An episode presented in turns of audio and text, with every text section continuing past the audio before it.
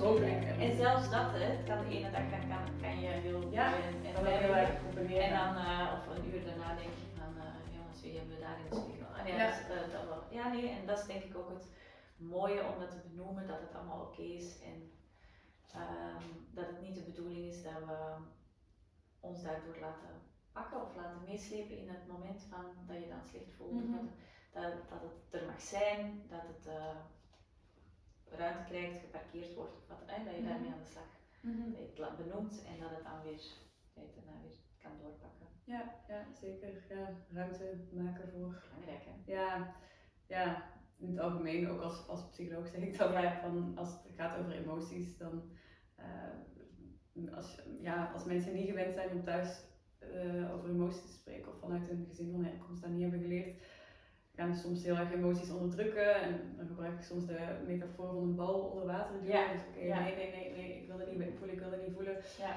En op een gegeven moment ja, hou je dat niet meer als je door welke reden dan ook ja, dat te zwaar wordt. En dan schiet die bal dubbel zo hard omhoog, waardoor je ineens misschien overvallen wordt door verdriet of kwaadheid of whatever. En dan is het in, ja, een beetje de uitdaging om te zorgen van hoe kan je wel die bal op het water laten drijven en dat er dus wel laten zijn. Ja. En dan komt en gaat dat ook wel weer. En dan Ja. zijn emoties een beetje zoals het weer. Dan is het soms Ja. regenachtig, dan, dan schijnt de zon weer, dan is het keihard aan het stormen. Maar het, het komt en gaat. En dat is denk ik een beetje, ja, dat doet me een beetje denken aan wat je nu zegt. Van als je daar ruimte voor maakt, oké, dan kan het er zijn. ja. En dan kan Want als, gaan. als, je, als, je, als die bal uiteindelijk uh, eh, boven komt, dan is die reactie soms misschien tien keer zo intens als het oorspronkelijk had Ja, geweest. Ja. Exact. Ja. En dan weet je misschien op dat moment niet eens meer waarom dat die oorspronkelijke reactie zo uitdoen. Uh, nee, dus ik denk ook dat dat heel, uh, heel waardevol is. Wat is voor jou wel een soort van alarmbel? Uh, dat je zegt van ja, um, als een vrouw, een zwangere vrouw, een herstellende vrouw, maakt niet uit, een vrouw in het algemeen misschien, dit soort klachten heeft of dit soort um, ja, issues of onzekerheden, dan is het wel belangrijk om misschien met iemand professioneel daarover Mhm. te praten of mee aan de slag te gaan. Mhm. Um, ja, vaginisme is iets uh, wat uh, kan je daar iets kort over vrij veel voorkomt nog tussen, bij vrouwen tussen 25 en 35. Ja, dat is eigenlijk de officiële term um, of definitie is een onwillekeurige samentrekking van de bekkenbodemspieren. Uh, wat eigenlijk betekent dat er daardoor um, niks in of uit de vagina kan. Dus ja. dat je geen tampon, of vinger of penis of uh, vinger ook niet. Dat, dat is heel erg per, per vrouw verschillend. Ja. Het is niet dat je sowieso geen vinger erin in, uh, in kan brengen. Um, maar ja, dat is ook weer een, een, een range, een spectrum van, van verschillende klachten. Ja. Um, en daar is helaas nog niet zo super veel geweten over ja, wat is nu precies de oorzaak daarvan. Wat we nu denken is dat het deels fysiek en deels mentaal is. Dus soms is het zo dat, dat als ik vrouwen rond vaginisme begeleid, dat daar wel heel duidelijk een oorzaak is van een, een seksueel trauma bijvoorbeeld. Ja. Um, en als we daar dan rond werken, dat dat, dat langzaam ook wel, wel uh, het, het uh, vaginisme eigenlijk weggaat. Dus ja. dat, het kan ook echt wel gewoon uh, ja. verbeteren of weggaan zelfs. Um, maar soms is het ook heel moeilijk om daar een oorzaak voor te vinden. Er is ook, ja, er is een paar jaar geleden een documentaire, ook een Nederlandse documentaire over gemaakt. Uh, My Fucking Problem, denk ik. um, en dat, dat, zij was juist die documentairemaakster het zelf vaginisme en was al zeven jaar in een relatie en kreeg daar plots last van. Dus oh. dat was heel moeilijk juist te vinden van waar ligt die oorzaak dan precies. Uh, en ja, dan zijn er ook juist heel, heel fysieke oefeningen die je kan doen met kegeltjes bijvoorbeeld ja. om het langzaam zo ja. groter te, te uh, maken. Ja, en ontspanning is uh, iets, iets wat je dan ook, wat ik altijd sowieso, niet alleen als het over vaginisme gaat, maar over seksualiteit in het algemeen wel probeer te bespreken met mensen. Van, ja. ja, hoe kan jij echt lichamelijk je ontspannen? Want eigenlijk kan je alleen maar van seks genieten als je ook wel een bepaalde ontspanning vindt in je lichaam. Ja. Dat zijn eigenlijk de enige drie werkwoorden die belangrijk zijn bij seks. Ontspannen, voelen en genieten. Ja. En niet moeten of, of uh, ja. ja uh, dus ja, daar zouden ook al alarmbellen voor mij zijn. Als ik Ja. zou horen van ik moet dat. Of, of inderdaad van mijn partner zegt dat, uh, ja... Geeft indicaties dat. Ja, geeft indicaties dat, dat hij denkt dat ik dat moet doen en eigenlijk is dat tegen mijn zin. Zo, dat zijn dus zeker alarmbellen als ik het idee heb van, ja, dat er qua consent of qua, um, ja, het, het eigenlijk dingen tegen je zin doen, eh, zouden spelen. Dat, Ja. dat is echt wel zeker een, een alarmbel. Ehm te denken wat nog dingen zijn om, ja, niet per se alarmbellen, maar je kan altijd naar een seksuoloog stappen, ook als koppel, om, om eh, over seks te leren spreken ook. Hè? Want Ja. soms kan dat al heel helpend zijn. Dat helpt ook, merk ik ook bij sommige koppels bij mij. Van oké, ja, het, is gewoon, het blijft gewoon heel, heel moeilijk om dat thuis dan, dan bespreekbaar te maken. Of om daar ook tijd voor te maken. En Ja. ook met kindjes. En als ze dan gewoon bij mij weten van oké, hier is een plek waar we in ieder geval een uur lang, ook met iemand die ons daarin begeleidt Ja. en vragen stelt en zonder gêne. eh, ja. ja, weet je, door de manier waarop ik over seks spreek, merk ik ook dat in die dynamiek, Ja. ja, dat, dat, dat mensen daar ook misschien wel opener of anders over leren spreken of daar een taal voor vinden. Ja. En ik denk dat alleen dat misschien dan al helpend kan zijn om daar, daarvoor naar een seksuoloog te stappen, mocht dat nodig zijn. Dat je voelt van oké, ja, het lukt mij gewoon niet om dat gesprek open te trekken thuis, of om een ingang te vinden, of om, ja, hoe, hoe begin ik daar zelfs over, of wat moet ik vragen. Ehm, ja, dus ik denk dat is, dat is sowieso ook een beetje misschien een taboe wat ik wil doorbreken. Het is echt ehm, heel oké om naar een psycholoog, seksoloog of relatietherapeut te gaan. Of coach. Eh, of, ja, of naar een mancoach. eh man ja, ja, maar dat is wel zo, ja. ja, en gelukkig wordt dat ook al eh, steeds meer gedaan. Hè. Ik denk dat dat ehm, een aantal jaar geleden nog veel meer taboe was. Maar Ja. toch nog steeds hoor ik echt wel vaak van mensen van... Ja, ehm, dat ze lang hebben gewacht om naar een psycholoog te gaan. Om, om, omdat ze ja, maar ik ben toch niet gek? Of Ja. dat ze pas na een aantal tien sessies zeggen, ja, ik heb nu toch wel tegen mijn ouders verteld dat ik naar een psycholoog ga. Ja. Ik moet me daar altijd zelf aan herinneren van, ah ja, het is voor heel veel mensen niet, niet, niet, niet normaal om naar een psycholoog te gaan. Mijn vader zelf psycholoog is en eh, psychotherapeut is en, en ik zelf dat heel normaal vind, vergeet ik dat soms, dat dat voor mensen echt wel een stap kan zijn. En zeker voor een seksuoloog. Eh, daar weet ik ook nog wel die cijfers van, van eh, ehm, die we ooit mee hebben gekregen tijdens onze studie, dat gemiddeld zelfs volgens mij zeven jaar duurt voordat iemand echt met een, een, een, met een seksuologisch probleem naar een seksuoloog stapt. Omdat het zo'n grote drempel is, ehm, het zoiets kwetsbaar is, zoiets persoonlijk is, maar ook veel mensen niet eens weten dat een seksuoloog bestaat. Ja. Ehm, dus ja, wat dat betreft zou ik eerder zeggen van niet wachten tot die alarmbel. Nee, nee, gewoon dus proactief in plaats van ja, als je, als je daar zelfs denkt van ik wil daar een keer over nadenken of over spreken, Mhm. ja, kom een keer langs. Ik vind dat ook wel heel fijn. Ik, ik, ik help allerlei, allerlei soorten mensen en, en relaties en et cetera. Maar ik heb soms ook koppels in, in therapie bijvoorbeeld die, die inderdaad preventief. Ik had nu laatst een koppel die eh, eigenlijk voordat ze gingen trouwen ehm, in, in therapie wilden komen om eh, nog beter te leren van eh, wat zijn onze manieren van communiceren, hoe kunnen we in verbinding blijven staan, ook als er ruzie is of eh, conflict is. En Super waar. ja, dat vond ik ook super nice. Van, Ja. ja, ja dat, dat laat ook heel erg zien van ik vind jou belangrijk genoeg om daar, daar samen over na te denken. Dat hoeft niet meteen een heel groot probleem te zijn, Nee. maar het kan gewoon ja, heel boeiend zijn om samen eh, te kijken naar wat, eh, ja, wat is onze relatie eigenlijk. Ik vind dat Esther Perel dat ook mooi zegt. Als, als je dat zou vergelijken met werk bijvoorbeeld. Op werk is het kei normaal om evaluatiegesprekken te hebben. eh, om na te denken van, ja, doe ik mensen ook wel graag, wat zou er Ja. beter kunnen. Waarom doen we dat niet meer thuis? En ook, een, ook een evaluatiegesprek van hoe gaat het eigenlijk tussen ons? Hoe gaat het in onze relatie? Zijn er dingen die misschien beter kunnen of die de laatste tijd wel, ja, minder aandacht hebben gekregen of zo? Ja. Heel ja. Maar dat, ja, dat wordt eigenlijk nauwelijks gedaan, hè? Ja, nee, dat is inderdaad eerder een minderheid. Ja. Relatietherapie start vaker echt op het moment dat het eh 5 Ja. voor 12 is en eh, ja, eh, bijna al te laat is. Ja. Ehm, ja, dus kom op tijd. Ja, ik wou net zeggen, het is wel een mooie, dat is- een mooie opportuniteit eigenlijk, hè? Om, om het ah ja, ook proactief op te starten. Mhm. Of voor jezelf, Ja. of als koppel. Ja.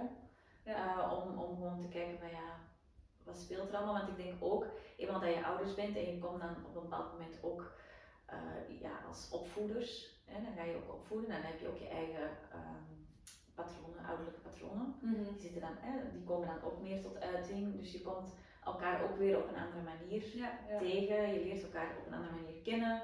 Ehm, ook de ja, manier waarop je bijvoorbeeld omgaat met over, over vermoeidheid of, of slaaptekort, dat kan natuurlijk ook een enorme impact hebben. Mhm. Eh, dus om maar aan te geven dat ah ja, nog voordat er kinderen zijn, ehm, ja, dat er zoveel, die, zoveel dimensies nog bij komen. Mhm. Eh, en dat het dan wel echt eh, denk, ik, ja, heel waardevol is om, om ja, in ieder geval daar snel te kunnen anticiperen. Ehm, Ja, ja, ja. Op elk moment eigenlijk. ja. En beter te vroeg dan te laat. Dus ja. ja, want ja, wat ik dan ook denk, ja, pak maar tot ze pubers zijn en dan eh, dat is Mhm. ook weer een heel nieuwe dimensie blijkbaar. dat duurt gelukkig wel. Ja, nee, inderdaad. Elke fase is zo weer Ja. een uitdaging eh, voor koppels. Ja, en ik zie, ik zie ook koppels van alle leeftijden wat dat betreft. Of Ja. toen met kindjes, of eh, inderdaad rond de puberteit. Of juist nu ook een aantal koppels met kinderen die net uit huis zijn. En Ja, is er, is er een, ehm, een periode dat je denkt van ja, dat is, dat is wel weer een, een periode dat koppels weer naar elkaar groeien als ze die bepaalde fase van kinderen hebben gehad? Allee, ik zeg maar Ja, iets. als uit huis Ja, ik weet het niet, ja. Ja, Is, is het, nou ja, dan heel duidelijk wel. Ja. Dan, dat is echt wel weer een. eh, ik weet dat mijn eigen ouders dan zeggen van we doen nu echt weer dingen die we deden toen we net samen woonden. Ja. En ja, ik kan me ook wel inbeelden dat dat toch ook wel eh, heel, heel eh, bijzonder kan zijn om, om dan weer. die vrijheid. Ja. Ja. Ehm, Maar ja, dan ben je ook al bijna 20 jaar verder. Hè? ja, ja, ik denk ook niet dat dat het eerste moment is. Dat is Nee. gewoon een heel duidelijk moment, denk ik. Maar ja, het moment dat, eh, ehm, dat ze naar school gaan, dat ze op kamp bijvoorbeeld, Ja. die dingen zijn denk ik ook wel belangrijk. Als kindjes dan als je iets langer al, eh, inderdaad niet meer alleen een keer een, een date night hebt, maar ook al eh, een keer een, een, een aantal dagen echt tijd met z'n tweeën kan doorbrengen. Ja, en dat is misschien inderdaad gewoon een mooie oproep dat als, je, als, als die momenten zich voordoen, dat je dan misschien als koppel ook gewoon leuke dingen Ja. Ja. gelijk inplant. Ja, ja, ja, want anders is plaats tijd ook een ja, beetje werk en, ja, ja, ja, andere- ja, Klusjes, weet ik veel. ja. Prioriteiten. Super belangrijk.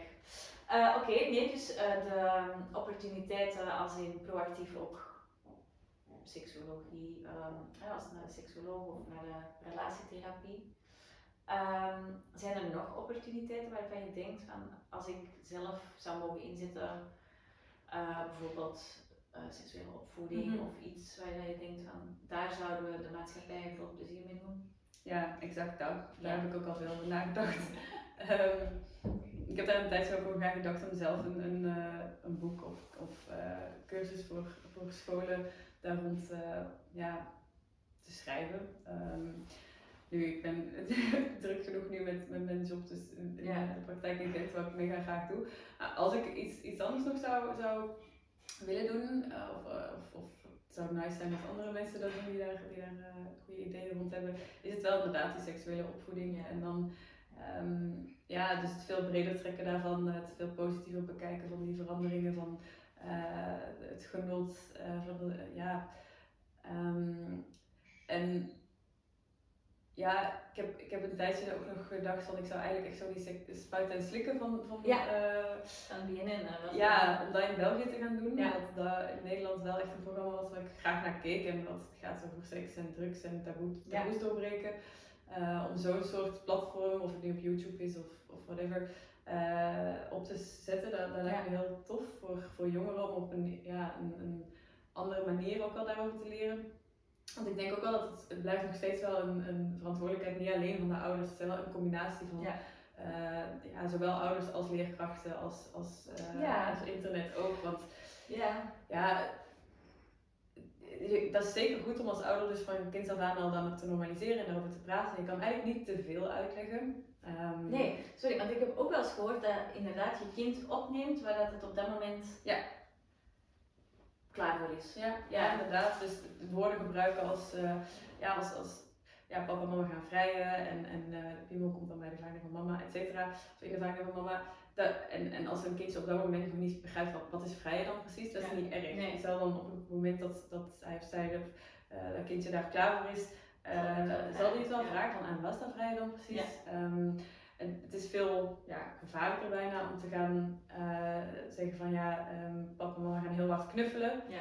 En dan komt er een Ja. baby, want Ja. dan durft Niemand. kind dadelijk niet meer te knuffelen, want dan denkt ze dat ze zwanger wordt. Of, eh, dus eh, ja, de, de echte woorden gebruiken, de echte taal gebruiken en dan zullen ze zelf wel weer met vragen komen. En in combinatie dus met ook wel leerkrachten, want ja, net als dat het misschien met je partner of degene met wie je seks hebt spannendst is om over seks te praten, is dat met je ouders soms toch ook nog een beetje ongemakkelijk. Is het wel fijn als er op school ook Ja. ruimte is voor waar kinderen dan misschien toch weer andere vragen durven Ja. te stellen. Of zeker als er thuis geen, want ja, ik spreek nu over een soort ideaalbeeld waar ouders thuis genormaliseerd over seks praten. Maar ja, dat is natuurlijk zeker niet overal zo. Dus dan is het des te belangrijker dat er, eh, dat er op school ook daar ruimte voor is. Ehm, en ook online, denk ik. Is het nu niet dat misschien ouders denken van ah, ze zien het op school en dat leerkrachten denken oh, Ja, ik denk wel dat dat een beetje speelt. Ja. Ja. dat het ook een beetje is van. eh, Iemand anders het Ja. wel doen, Ja. terwijl ze eigenlijk samen en dan, dan zit internet ertussen en dan Ja. is het eigenlijk een beetje. Ja, want dat is inderdaad... eh als, die ja, leiding geeft in het seksuele Ja. plaatje. ja, ja, want als ik nu aan mensen vraag van hoe, hoe was jouw seksuele opvoeding, als ik aan mensen van 20, 30 vraag, dan, dan is het inderdaad vaak heel biologie, een aantal hele enge plaatjes of films Ja. inderdaad. eh, En Op school en een thuis. met een eh, condoom. Ja, dat. En dan thuis eh, ja, werden er misschien, hopelijk, als, dan is het nog beter dan niks, werden er wel condooms gegeven, maar verder Ja. ook niet te veel over gesproken. En dan verder heb ik eigenlijk alles ja, porno geleerd. Ja. Nou, dat lijkt me niet echt het meest... ehm, Educatief. Nee, nee, en porno, ja, dat is heel duidelijk. Ik denk dat daar ook veel wordt gezegd van, dat is echt niet realistisch. Maar ook films, ook Hollywoodfilms, ja, zo makkelijk gaat het niet, hè. Eh, het ziet er niet zo mooi uit. En het, het is veel Nee. meer onhandig en Ja. zoeken en lelijk. En, Ja, ik eh, denk alleen al een van de grootste desillusies was het ehm, na, ja, na de seks ook gewoon dat, dat het sperma er ook niet van uitloopt. Ja, Wordt ook nooit ja, laten ja, zien, inderdaad. En wat doe je daar dan mee? Ik dacht Ja. echt van. ja, dan gaat die gewoon automatisch weg. En dan- Ja, nee, ja, ja, dan gaan ze heerlijk slapen. Maar ik denk niet, eerst naar de wc, anders heb je nog een blaasontsteking. Ja, ja.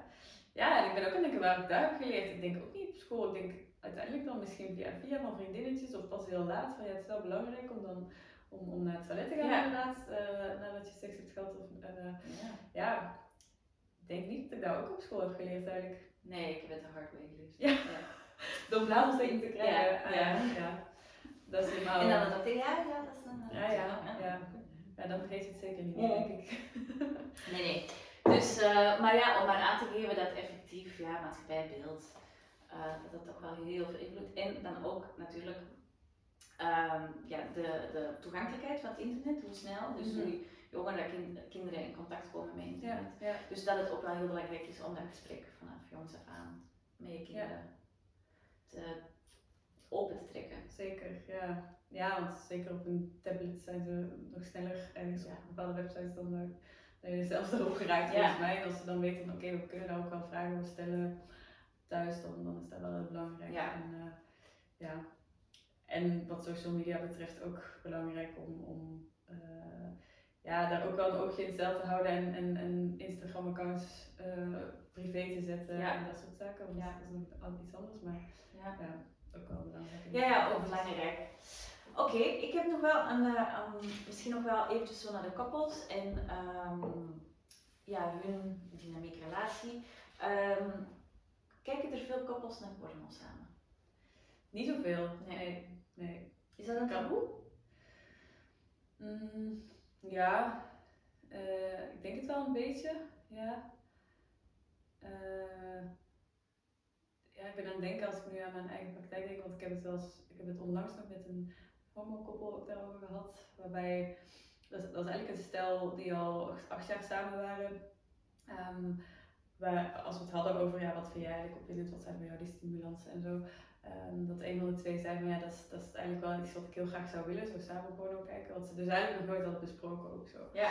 Ehm, dus ja, als ik aan specifiek naar koppel denk, dan is het zeker wel een taboe. Maar ik denk in het algemeen wel het delen van fantasieën überhaupt. Ja, eh, dat daar heel... maar fantasieën zijn gezond, toch? Zeker, ja. ja, Als Esther Perel, hè? Die was Sowieso. eh, Ja, dat is, dat is ja, een wereld waar alles mag en kan en, en waar eigenlijk geen... Het is ook jouw wereld, toch? Ja, jouw wereld inderdaad super veilig en, en, en ehm, ja, je mag ook echt alles denken wat je wil. Hè? Dus er mag al zoveel niet Ja. en dan mag echt wel alles. Ja. Eh, er is ook vorig jaar denk ik een boek uitgekomen van eh, twee Nederlandse onderzoekers over seksuele fantasieën. Uh, waar ze, ik denk 2000 of 3000 mensen hebben geïnterviewd over hun specifieke seksuele fantasieën. Het is een heel, heel tof boek. Uh, ligt op mijn nachtkastjes. Elke avond lees ik voor één of twee fantasieën. Het is heel, heel grappig om, omdat je merkt hoe breed dat is en, en hoe uiteenlopend. En, en dat daar dus ja, niks raar of gek of whatever in is. En als jij het fijn vindt om aan bepaalde dingen te denken tijdens seks, is dat prima. Ja.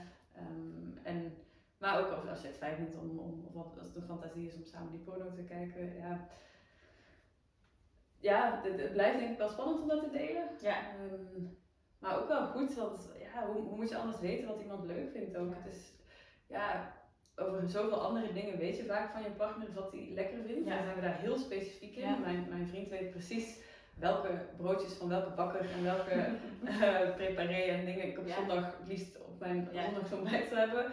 Uh, maar vaak weet je partner dan niet echt dat je echt lekker vindt in bed of wat je fantasieën zijn. En, ja.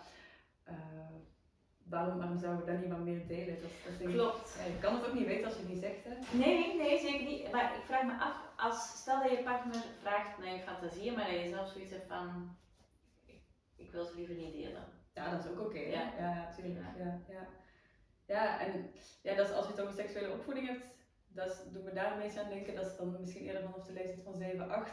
Dat je je eigen grenzen zo ja, leert ja, kennen of aangeven. Dus dat is ook iets, iets wat ouders soms vragen. Van, ja, um, of wat ik zelf ook vaak vraag aan, aan cliënten. Van hoe werd er bij jullie thuis vroeger omgegaan met naaktheid en, um, en affectie. Dat zijn een beetje twee thema's die ik dan vaak samen bespreek. Maar het naakt rondlopen bijvoorbeeld in huis, prima als je dat wil doen, ook prima als je dat niet wil doen. Maar als je dus je kind 7, 8 jaar oud is en zegt van ik wil nu al echt die deur op slot, ja. terwijl je normaal daar als gezin misschien heel los mee omging, is het ook wel echt belangrijk om, om dat te respecteren. Ja, want dat is echt een manier om te zeggen van dit is mijn lichaam, dit zijn mijn keuzes. Um, ja, dus daar uh, ja, dat ja. ja, nee, maar dat is ook heel mooi, omdat voor een vrouw, als zij daarin op dat moment gerespecteerd wordt, door haar ouders. Mhm. En uh, ook weer mijn lichaam, mijn keuzes tijdens een geboorteproces. Als iemand zegt van ja, we gaan het zo doen en ze zegt nee, voelt anders, dus mhm. we gaan het zo doen. Dat ze ook weer vanuit die bevestiging, vanuit die, ja, dat, dat respect van vanaf het begin ook durft te zeggen tegen die anderen. Ja. Of dat dan tegen de dokter. Ja, ja, inderdaad. Dus dat heeft ook wel weer invloed op. Uh, ja, ja, inderdaad. Op haar ja, dat is een mooie link. Ja. Ja, het is, uh, het is wel heel waardevol hoor, de, de materie. Uh, ik het wel ja, Leuk hè? Ja, ik vind het wel interessant. job.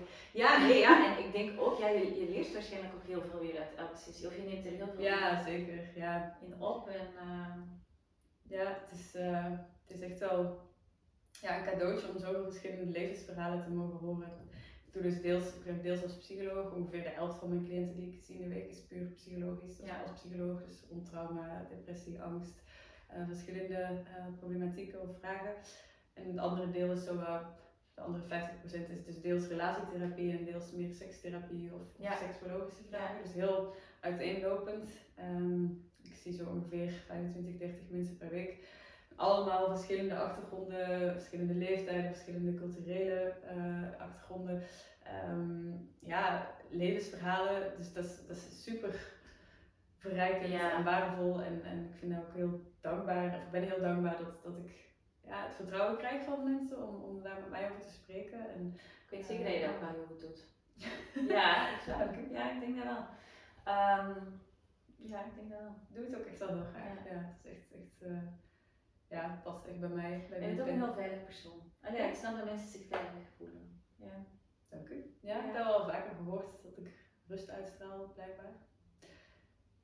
Kennis, ja. Ja, ja. En geen oordeel, dat is ook heel belangrijk. Ja, zeker. Dan ben ik wel oordeelvrij, ja. open-minded. Ja. ja. en ik zie iedereen ook wel iets mooi. Ik, uh, ja, ik heb nog nooit een cliënt gehad dat ik dacht, wat een, wat een uh, verschrikkelijk mens of zo. Ik zie altijd wel de, ja, talenten of, of, of, of, of ja, mooie stukken of dingen dat ik denk, oh, daar zou er nog veel meer uit mogen komen. Ja. Mensen, zo, dat, dat passioneert me ook wel heel erg. Ja, er zit zo ja, in. Ja, ja. en het is echt wel super fijn om dan van mensen te horen dat, uh, ja, dat, dat, dat, dat de gesprekken hun helpen, dat ze, dat ze daarmee uh, ofwel zelfzekerder worden of, of, of in hun relatie uh, beter leren communiceren. Um, ja, en daarbij zowel als psycholoog als seksuoloog ben je ook maar een voetnoot in iemand in, in, mensen leven. Hè? Dus het is ook, ik vergelijk het soms ook wel een beetje met een diëtist. Als, als, als je naar een diëtist gaat en die zegt ja, je moet 10 kilo afvallen, daarvoor moet je dit eten of dit niet meer eten en sporten. En je komt na twee weken terug en je zegt van ja, je hebt je werk niet goed gedaan, want ik ben niet afgevallen. Ja, ja je moet het wel zelf doen. Dus ik kan wel in een gesprek van een uur um, tips geven. Ja, dingen zeggen of inzichten brengen of praten met mensen. Het zijn wel die, uh, al die andere uren in de week uh, waarin het gebeurt en, en waarin je dus zelf de stappen zet, zeg maar. Ja, ja, ja absoluut. Dus, uh, dus absoluut. Heb je ook uh, soms koppels waarvan een van de twee een, uh, met tegenzin meekomt? Of is het er is altijd wel één iemand die het, ja, het initiatief heeft genomen om, om op gesprek te komen. En dat is ook wel altijd een vraag die ik in het eerste gesprek stel. Van ja, wiens idee was dat en hoe is dat tot stand gekomen? Want dat zegt ook altijd wel veel over een koppel al meteen. Van, ja. ja, ofwel is het al iets waar ze al jaren over na zitten te denken. Of, is het inderdaad iets wat de ene heel graag wil en de andere niet. En dat is, dat is voor mij als therapeut ook wel een grote uitdaging om altijd ja, niet in alliantie te gaan met een van de twee, maar ja, met beide uh, een, een, therapeutische relatie op te bouwen en, en naar beide een verhaal te luisteren. En dan is het vaak met degene die, ja, die, die uh, niet initiatief heeft genomen wel iets harder werken om, om, om, daar het vertrouwen te. Ja. Meestal als ik dan eerst vraag van ja, wie wie, wiens initiatief was het, probeer ik juist met die ander te beginnen. En te zeggen van oké, okay, wat maakt dat jij dan toch hier zit? Terwijl ja. misschien niet jouw idee was of ook wel. Ja, um, en ook weer een beetje praten over het praten. Want wat maakt het dan dat het misschien lastig is om, om hier te zitten, om, om ja. te praten over persoonlijke zaken? Uh, wat, wat is zijn idee daarbij? Wat, voordat je hier naartoe kwam, dan wat, wat, ja, wat waren misschien bepaalde, bepaalde hindernissen of, of gedachten van oh nee, als ik daar zit, dan moet ik continu, I don't know, uh, ja, over mijn gevoelens praten ja. of, of, moet ik op allerlei vragen antwoord geven waar ik helemaal niet, ja. geen antwoord op wil geven. Nee. Uh, dus dan is het altijd wel belangrijk om daar gewoon ook een beetje uitleg over te geven wat psychologie kan zijn of wat therapie kan zijn. Ja, ja, ja. Ja, het is misschien ook een beetje een vooroordeel hè, dat sommige mensen hebben of denken van het gaat zo en zo zijn, terwijl dat niet per se uh, zo heel de tijd, het kan ook juist heel veel inzicht vinden in stiltes of rust vinden in stiltes. Ja. ja, het kan echt van alles zijn, uh, therapie. Het is echt zo uiteenlopend en, en flexibel ook. En ik pas daar ook al heel erg aan aan iemand die, ja, degene die voor mij zit. Ja. Soms werk ik heel creatief, met heel veel met muziek of met tekeningen en, en kunst en gedichten. Uh, soms juist veel meer heel specifiek met bepaalde opdrachtjes. Ik ga dat en Duits proberen, ook hier buiten de, ja. ruimte. Um, ja, met rollenspellen of, of heel puur uh, een uur filosoferen over wat het leven nu precies inhoudt, of ja. zou kunnen inhouden of whatever. Ja. Um, ja, dat is, dat is, dat is En dat maakt het heel, heel, heel leuk, hè? Ja, het, uh, ja. het is uh, heel de dag een beetje improviseren ook, want ja, je weet nooit wat er die dag gaat gebeuren. Ik bereid al mijn gesprekken goed voor, maar eigenlijk kan het op het moment zelf. Ja, ik merk dat, dat, dat vaak die um, voorbereiding ja, al, al na vijf minuten zo weg is of wel, mijn achterhoofd zit. Maar ja, er is vaak ook weer van alles gebeurd natuurlijk ja. in, in persoonlijk leven. En, en dan is dat zeg, zoeken van waar is er nu nood aan en wat is er nu prioriteit om, om bij stil te staan. Dus ja, dat maakt het juist ook tof. Ja, ja super. Uh, als ik, want ik kan me uh, herinneren uit onze uh, voorgaand gesprek, dus wat ik net ook zei, dus dat vrouwen, dat vind ik wel, dat is misschien ook een beetje een, een het onbekende. Um, dat uh, vrouwen die borstvoeding geven, die kunnen geprikkeld worden. Ja. Daardoor. Ja, dat is inderdaad nog ook wel een taboe, hè? Of ja. taboe. Ja. Nou ja, of onwetend. Onwetend ja. en, en, en, iets, ja, iets waar niet over gesproken wordt. Ja, um, ja dus uh, in de seksuologie noemen we dat de erogene zones. Dus de zones die ervoor kunnen zorgen dat je uh, verlangen opwekt. En dat kunnen verschillende zones zijn. Dat kan uh, clitoris, vulva zijn, de uh, oren zijn soms erogene zones voor mensen. Hersenen zijn eigenlijk ook erogene zones voor die fantasieën. Ja. Maar ook dus tepels, borsten kunnen ook erogene zones zijn. Ook niet voor alle vrouwen zo, maar voor veel vrouwen wel. En dan is het inderdaad zo dat als je als mama borstvoeding geeft, uh, kan je daarbij opwinding ervaren. Kan je van, oh, ik word hier eigenlijk um, vochtig van of, of opgewonden van, of ik krijg zin in, zin in seks. Eh, en ik denk dat dat iets is waar weinig mama's over spreken, wat Ja. je nu misschien ook niet meteen bij de yoga klas gaat vertellen of zo. Hoe je nu Maar ja, eigenlijk zou dat dus wel zalig zijn, want het is super normaal. Ja. Ehm, en nog een andere die ik eigenlijk zelf niet kende van mijn studie, maar een, een boek wat ik vorig jaar heb gelezen, dat heet Pervers, van Jesse nog iets, een rode kaft. En dat is een boek over allerlei ja, perverse, zogezegd de, pe- de, de verschillende perverse ideeën die alle mensen wel eens hebben. En een heel ja, typisch voorbeeld is dat we allemaal wel eens denken als we in de auto zitten van, ah, ik, ik, ik, eh, ga mijn stuur gewoon omdraaien en ik, ik ga hier tegen die, eh, eh, tegen paal aan of whatever. En, of, of als je ergens in een hele stille ruimte zit, dat je ineens denkt, ik wil hier echt beginnen schreeuwen. Zijn bepaalde, dat zijn misschien de meest gekende perverse ideeën waar we niet zo vaak over praten. Ehm, en, en dat boek gaat niet alleen over perverse ideeën, maar ook over dingen die, dus, die je kan ervaren, waar ook niet veel over wordt gesproken. En daar, eh, als we het hebben over, over ouderschap en zo, er stond ook in dat ehm, mannen eh, een eh, opwinding of kunnen ervaren als ze een, een, hun pasgeboren kindje naakt zien. Ja. Ehm, dus als je als vader je kindje aan het, aan het verschonen bent en ineens merkt van ik krijg een erectie, ja, dan kan dat heel eh, verwarrend zijn voor een vader. Van wat is dit en ben ik een pedofiel of wat betekent dit? En Ja. als, als je daar dan niet over spreekt, kan dat echt heel belastend worden Ja. voor een man. Van er is iets mis met mij en, en eh, wat is dit? En, en een afkeer krijgen van je eigen lichaam misschien zelfs, maar zeker Ja. onzekerheid en allerlei vragen die dan naar boven komen. Terwijl eigenlijk dat gewoon betekent dat ja, de opwinding, ehm, we noemen dat ook niet ja, voor niks ook, je kan ook excited of opgewonden zijn om, omdat er heel veel gaande is. Hè? Omdat, Ja. je, ja, je ligt ook misschien een beetje op, op adrenaline. En ja, het, het woord opwinding alleen al Ja. zegt hè, van je kan ook opgewonden zijn omdat je iets heel leuks gaat doen Ja. die dag. En ja, als je net een kindje hebt, ja, dan ben je super vaak, Ja. niet altijd, maar dan kan, kan je die opwinding heel erg ervaren. Ja. Wow, holy shit, ik ben ik ben gewoon papa. Ja, En dan dat kleine wezentje zien en die, al die emoties die naar boven komen. En ook bij mannen allerlei hormonen die, daar- die daarbij spelen. Ehm, kunnen er gewoon voor zorgen dat je ook lichamelijk daar een reactie op vertoont. ja, Van opwinding. Ja. Maar niet betekent dat je seks met kinderen wil hebben. Alles behalve, dus Nee, dat is... ja. Terwijl je dat wel misschien gelijk zo kat- zou categoriseren als je denkt van... Ja, ja, zeker als je daar niet over praat. Ja. Eh, want ook dat is waarschijnlijk iets niet waar je op de voetbal gaat vertellen. Nee, nee, nee, nee. nee. Eh, Uh, of misschien niet eens tegen je eigen vrouw. ja, exact. Ja. Dat je ja. denkt van, uh, holy shit. Mhm. Ja, super. Ja, Dat dus vond ik heel waardevol. dat, is, eh, ja, dat zijn denk ik inderdaad wel goede dingen om bespreekbaar te maken, zodat we daar Ja. Ehm, ja, zodat we niet daarmee moeten blijven lopen. en Nee, daarom. Want voor zo'n zo. vader, ja, als hij dat dan... ehm, als het dan gebeurt, eh, het zal maar net eenvoudig kunnen helpen. Of, of eh, dat het via de mama terecht komt bij de vader. Van, Mhm. moet nu eens iets weten. Ehm, want ja, stel je voor dat het in zijn hoofd blijft zitten of in zijn lijf en dat hij dan daar zo'n afkeer of ja, dat er gewoon een hele foute. Ja, ja, en bij vrouwen dus ook. Hè, met Ja. het voorbeeld wat je net inderdaad gaf, van dat je ook opgewonden kan voelen van borstvoeding te geven. Dat kan ook allerlei Ja. gedachten of, of onzekerheden Ja. naar boven brengen, terwijl dat eigenlijk niet nodig is. Het is gewoon eh nee, het is een een- ja, reactie. een natuurlijke Ja. eh, reactie. eh. Ja, ja, puur lichamelijk. Zowel dat borstvoeding geven als die erectie.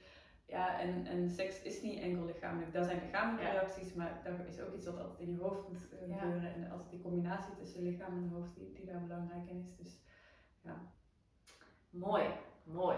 Oké, dat, is, eh, dat wou ik heel graag ook nog. En eh, heb je ook nog voor je gevoel andere taboes? Die, die we hier nog eventjes ehm, ja, ik denk. eh, op de bank smijten? mm, We hebben er al wel een paar Ja, we hebben er al gehad, hè? Ja, ik denk het belangrijkste wat zwangerschap betreft inderdaad, van dat je dan niet zou mogen, geen seks zou mogen hebben. Ja, Of eh, dat je daarna weer seks zou moeten hebben. ja, Ehm, of dat het zou helpen om, om het kindje, eh, om de bevalling op te wekken. Dat Ja. zijn denk ik zo echt de, de ja, de taboes waar ik aan denk als het gaat over zwangerschap en seksualiteit. Mm, Welke type zorg heeft elke vrouw nodig, vind jij? Of volgens jou? Welk type zorg? Ja, dus stel je voor dat je zou mogen, een beetje misschien weer vanuit het idealistische beeld, want we hebben natuurlijk een soort van standaard zorg. eh, en er is heel veel zorg dat ook door de eh, ziekenfondsen Mhm, wordt mhm. mee terugbetaald. Maar als je zegt van ja, vanuit mijn perspectief, vanuit mijn expertise, vind ik het belangrijk dat, en dat Mhm, kan even mhm. goed, eh, seksuele ehm, Ja, ondersteuning zorgt. Hè, dat, of, of, of een, een plek waar vrouwen ja, hun, hun eigen vrouw zijn. Mhm. Dat, ah ja. Ja, ja, het eerste waar ik aan denk is zelfzorg, op welke manier dan ook. Ehm, en of dat dan, ja, en, en misschien ook wel gewoon echt alleen dan. Eh, dus ja, sowieso die, die relatietherapie kan wel goed zijn, zeker. Ik denk dat, ja, een, een plek waar je als vrouw ehm, ja, echt weer even tijd hebt om, om helemaal jou te, of jij te zijn. En, Ja. ofwel met een psycholoog dus daarover kan praten, of met een, een, een coach, of met, ja, of, of ja, maar ik weet niet, dat, dat zal waarschijnlijk voor uh, mutualiteit of zo lastig zijn om dat te gaan laten terugbetalen, maar ook ja, die, die massage bijvoorbeeld, um, om, om zoiets te laten terugbetalen als je, Ja. zo, ik weet niet hè. Dat- Nee, maar dat zijn wel maar ik wil ja, zelfzorg dat dat Zelfzorg, terugbetaald, ja. terugbetaald wordt. Of dat nu ja, een, een, een schoonheidsspecialiste is, eh, of, of, een, of een kapper, of een masseur, of een, of een therapeut, of Ja. een seksuoloog. In ieder geval op een moment waar je echt ja, voelt van waar heb, waar heb ik nu nood aan? En dat kan dus van alles zijn. Ja. Dat, kan, ja, dat kan iets zijn rond beweging, maar van ja, dus yoga of, of sport, maar ook eh, Voor je emotionele gezondheid. ja, heel, heel het ontspanning. lichaam, zowel mentaal als fysiek. eh, ja, een, een, een aantal afspraken bij een diëtist of een coach Ja. of een psycholoog of een, Ja, iets wat waar je als moeder nood aan hebt. En dat is denk ik voor elke moeder verschillend. ja. Ja, ja, sowieso. Ehm, want ik, ik vroeg deze vraag ook aan, eh, aan Patty. Ehm, en zij zei ook wel dat bijvoorbeeld het, binnen de herstelperiode een bekkenbodem, dat er eigenlijk ook wel heel, want je hebt wel postnatale kine, maar bekkenbodem is echt wel heel, ja, gewoon heel gefocust op het herstel van de bekkenbodem. Ja. Omdat die eigenlijk quasi ook de meeste impact bijna heeft op het, ehm, ja, tijdens zwangerschap, geboorteervaring, maar ook in de herstelperiode. En omdat dat gewoon zo'n belangrijk onderdeel ook is voor de rest van je leven, om Mhm. vanuit ja, je hele eh, core, ik zal maar zeggen, ja, ook te leven. Dus een bekkenbodemkine dan bijvoorbeeld. Ja, ja, een bekkenbodemspecialist. Ja, eh, dus ja. dat dat echt even, dat al is maar één sessie, dat hij kijkt van oké, het ziet er goed uit, of het ziet er niet goed uit. Ah ja, want er, er, er zijn heel veel gradaties, maar of je herstelt gewoon goed, of je herstelt gewoon niet goed. Hm. En Ja. ja. ja, daar is toch nog wel een soort van finesse wat er op dit moment. Maar er, er, ze worden ook terugbetaald hoor, door de, zieke, ehm, door de mutualiteiten. De bekkenbodem. Ja, maar het is gewoon geen vast onderdeel. Dus Ja. volgens mij is postnatale kine wordt eh, uit, ah ja, toegeschreven door de gynaecoloog denk ik. Ja. Dus, en, en bekkenbodem is dan nog een stapje extra. Dus minder gekend ook. Minder gekend, ja. Ja, ja. Terwijl dat eigenlijk best wel belangrijk is om toch in ieder geval even te laten nakijken van oké, het ziet er goed uit, of het ziet er Zeker, nog ja. niet goed uit. ja. Dus eh, Ja, en bekkenbodem linkt, linkt ook wel een beetje aan, als ik, seks. Ja. Want het bekkenbodemgebied is ook eigenlijk, behalve de borsten dan, het, het, ja, het, het vrouwelijke gebied. Ja. En, en daar zit ook heel, ja, daar kan het trauma achterblijven, maar daar kan ook, ja, denk even goed, ja, de littekens, eh, een knip of andere Mhm. dingen. Ehm, de- er is heel veel te herstellen Mhm. Ja. in zo'n periode. En als daar niet de tijd voor wordt genomen, als daar niet de juiste ja, specialisaties Mhm. worden opgezet, tussen aanhalingstekens, dan ja, kan zo'n herstelperiode ook langer duren of eh, minder efficiënt zijn. Mhm. Waardoor je gewoon op langere termijn ehm, ja, bepaalde klachten hebt. Of, ehm, en dat kan dan seksueel zijn of ehm, emotioneel. Mhm. Maar het is voor, eh, ja, voor ik, best wel veel zorg nodig voor eh zwangeren. En Ja. Ja, ja, en ook daar is dat dan weer veel beter als dat inderdaad wat preventief is of als dat meer standaard is. Want ga één keer naar die bekkenbodemspecialist. Ja. misschien ook een keer met een seksoloog. Ja. Hoeft niet een traject Ja, te zijn van, Nee, van eh, jaren, maar nee. ehm, ja, liever dat dan ja, eh, dat het te laat is of dat je daar al niet per se te laat, dat klinkt wel heel dramatisch, maar dat je daar ik weet niet hoe lang mee rond blijft lopen met bepaalde klachten of bepaalde vragen. Ehm, ja, dus ik denk vooral dat, dat je bewust bent van ja, dat je jezelf dat gunt, dat je daar waard bent om, om eh, Zeker. eh, ja, naar bepaalde specialisten toe te gaan of bepaalde zelfzorg daar de tijd voor te nemen. Ja, ja, en dat je daar inderdaad gewoon mee incalculeert in het grotere geheel. Want uiteindelijk, met, met de komst van je kindje, ook daar hè, gaan zaken veranderen, ook financiële dingen veranderen. Dus dat het dan ook heel waardevol is dat je gewoon voor jezelf ook een lijstje maakt met zorg of um, ontspanning dingen mm -hmm. of zelfzorgdingen ja, uh, die jij nodig hebt. Ja, ja. ja, dat is ook een lijst die ik vaak met, met cliënten maak. Uh, ja, ik probeer altijd minimaal 20 dingen samen dan te zoeken. En dan denk ik met wat, 20 dingen. 20 dingen waar jij een goed gevoel van krijgt die jou laten ontspannen. Zo. Ja. En, ja, uiteindelijk vinden we er altijd wel 20, al is het soms wel even zoeken. Uh, maar als je dat al hebt en van jezelf weet van, ah ja, dat zijn toch ook wel dingen die mij inderdaad wel brengen, dan ja, dat is al heel belangrijk. Denk ik, ja. Als je jezelf dan wel kent en dat je zo'n hebt. Ja, en doen ze dat voor hunzelf of als koppel? Um, allebei wel, ja. Wel ik nu aan dacht, ja, dat is vooral wel iets wat ik in individuele therapie doe. Um, ik stel de vraag wel vaker aan de koppels ook van wat zijn dingen die jullie samen kunnen doen om te ontspannen, wat zijn dingen die jullie apart kunnen doen om te ontspannen. Een lijstje heb ik nog iets minder vaak letterlijk gemaakt met een koppel, denk ik. Ah, ja. ja, dat kan je ook al zeker doen. Ja, dus, maar dus het is ook al wel heel waardevol om bijvoorbeeld voor als zwangere een lijstje te maken met uh, zaken waar je van ontspant. Ja, ja, sowieso. Ik denk dat dat voor alle, ja, voor iedereen goed is om, om zo'n lijstje te hebben. Ja. Uh, ja, om je daar dus in, in om jezelf daarin te kennen. Ja. Wat, hoe zit mijn lichaam in elkaar? Hoe ontspan ik graag? Um, want zeker op het moment dat er stress is, is het lastig om zoiets te bedenken. Maar ja, fuck, ik heb stress, maar ja, ja wat, wat kan ik ook weer doen om ja. ontspanning te vinden? En als je dan op een rustig moment erover na hebt gedacht van, ah ja, ik vind het eigenlijk wel echt heel fijn om met een kaarsje aan een stuk uit een boek te lezen of om even een wandeling te maken of om um, iemand te bellen of een taart te bakken of nou ja, en je hebt gewoon een kwestie kijken in ah, ja, ja. in plaats van, terwijl ja, als je, als je stress hoog is, is het gewoon moeilijk om zoiets te bedenken. En dat zeker om te weten dat het heel belangrijk is als je stress ervaart tijdens de zwangerschap, dat je ook die ruimte moet nemen om ja. die rust terug te vinden. Ja. En dan is het inderdaad wel heel waardevol om zo'n mm -hmm. bij je hand te ja, ja, en als koppel, ik denk, we denken nu wel iets wat ik wel een aantal keer heb gedaan, is ook zo een, gewoon een jar maken of een, een pot ergens in huis zetten met dingen uh, en dat je daar allebei dingetjes in kan gooien van daar, daar zou ik nog wel graag samen willen doen. Oh ja. Een bucketlist of ja. uh, van ah ja, dat lijkt me nog tof om een keer samen te doen, zodat ook op het moment als je dus niet echt inspiratie hebt en denkt van ha, we hebben nu zaterdagmiddag een, een halve dag tijd, want opa en oma passen op de kindjes. Ja maar wat kunnen we nu gaan doen? En dat je daar gewoon iets uithaalt en zegt van, ah ja, inderdaad, Ja. dat is ook nog een tof idee om naar dat bos te gaan Ja. en een wandeling te maken. Of om, Ja. eh, ja, eh, om hier thuis gewoon eh, een, ja, een, ik, whatever te doen. Ik Ja. moet denken aan zo de, de dingen rond in de lockdown, dat er toen ook wel heel veel creatieve manieren waren om juist thuis nog dingetjes Ja. te doen. Om, Ja. een mini-festival om elkaar te zetten en, eh, of een, een, een themaavond, alles in het alles Frans, Franse muziek, Frans eten. Ehm, ja, dat soort dingen te doen. Ja. Dus ook thuis kun je van alles doen, je hoeft niet, je hoeft niet altijd. Nee, misschien, eh, Maar het is wel leuk, zo een eh, potje, omdat het dan ook wel uitnodigt tot open-minded dingetjes erin. Hè, dat je mhm.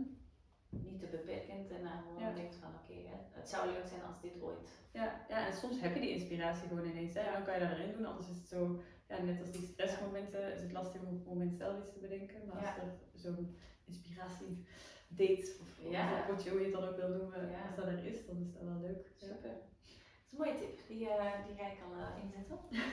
Bij de moeders, dankjewel. Ehm is er nog iets dat je zelf wilt aanvullen? Niet direct, nee. Ik vond het een tof gesprek. Ja, toch? we veel hebben aangeraakt. Ja, ik denk het ook. Ik ben heel benieuwd eh, hoe dit ehm, terug gaat komen. Maar ik, eh, ik, ik vond het super waardevol. Ja, als mensen nog vragen hebben, stel ze even gerust. Ja. Eh, Ja, eventueel kunnen we ooit eens live gaan op eh, Instagram of zo. eh. Want ik denk, ik voel echt aan heel veel vezels in mijn lijf dat er gewoon heel veel nood is om eh, hier te praten. Ehm, en ik hoop misschien op een dag dat ik dat in gesprek met andere mama's en dat we daar een soort van eh, ja, QA of zo, of eh, ik weet niet wat, tof. iets van Ja. mee kunnen doen. Omdat het gewoon in gesprek merk je ook dat het niet ehm, spannend of ehm, vies of wat dan ook hoeft te zijn. Mhm. Dat het eigenlijk ook gewoon heel natuurlijk is en dat het ja, in eerste instantie ook heel fijn en, en lekker moet zijn. Ja, ja. En dat het eh, ja, voor moeders ook een onderdeel mag zijn in haar, eh, in haar vrouw zijn en haar, eh, ja, verdere ontdekkingsreis. Zeker. Ja. En dat het maar al te zonde zou zijn dat door het moederschap uh, daar weinig tijd aan Dus bedankt. Hartelijk bedankt gedaan. En uh, bedankt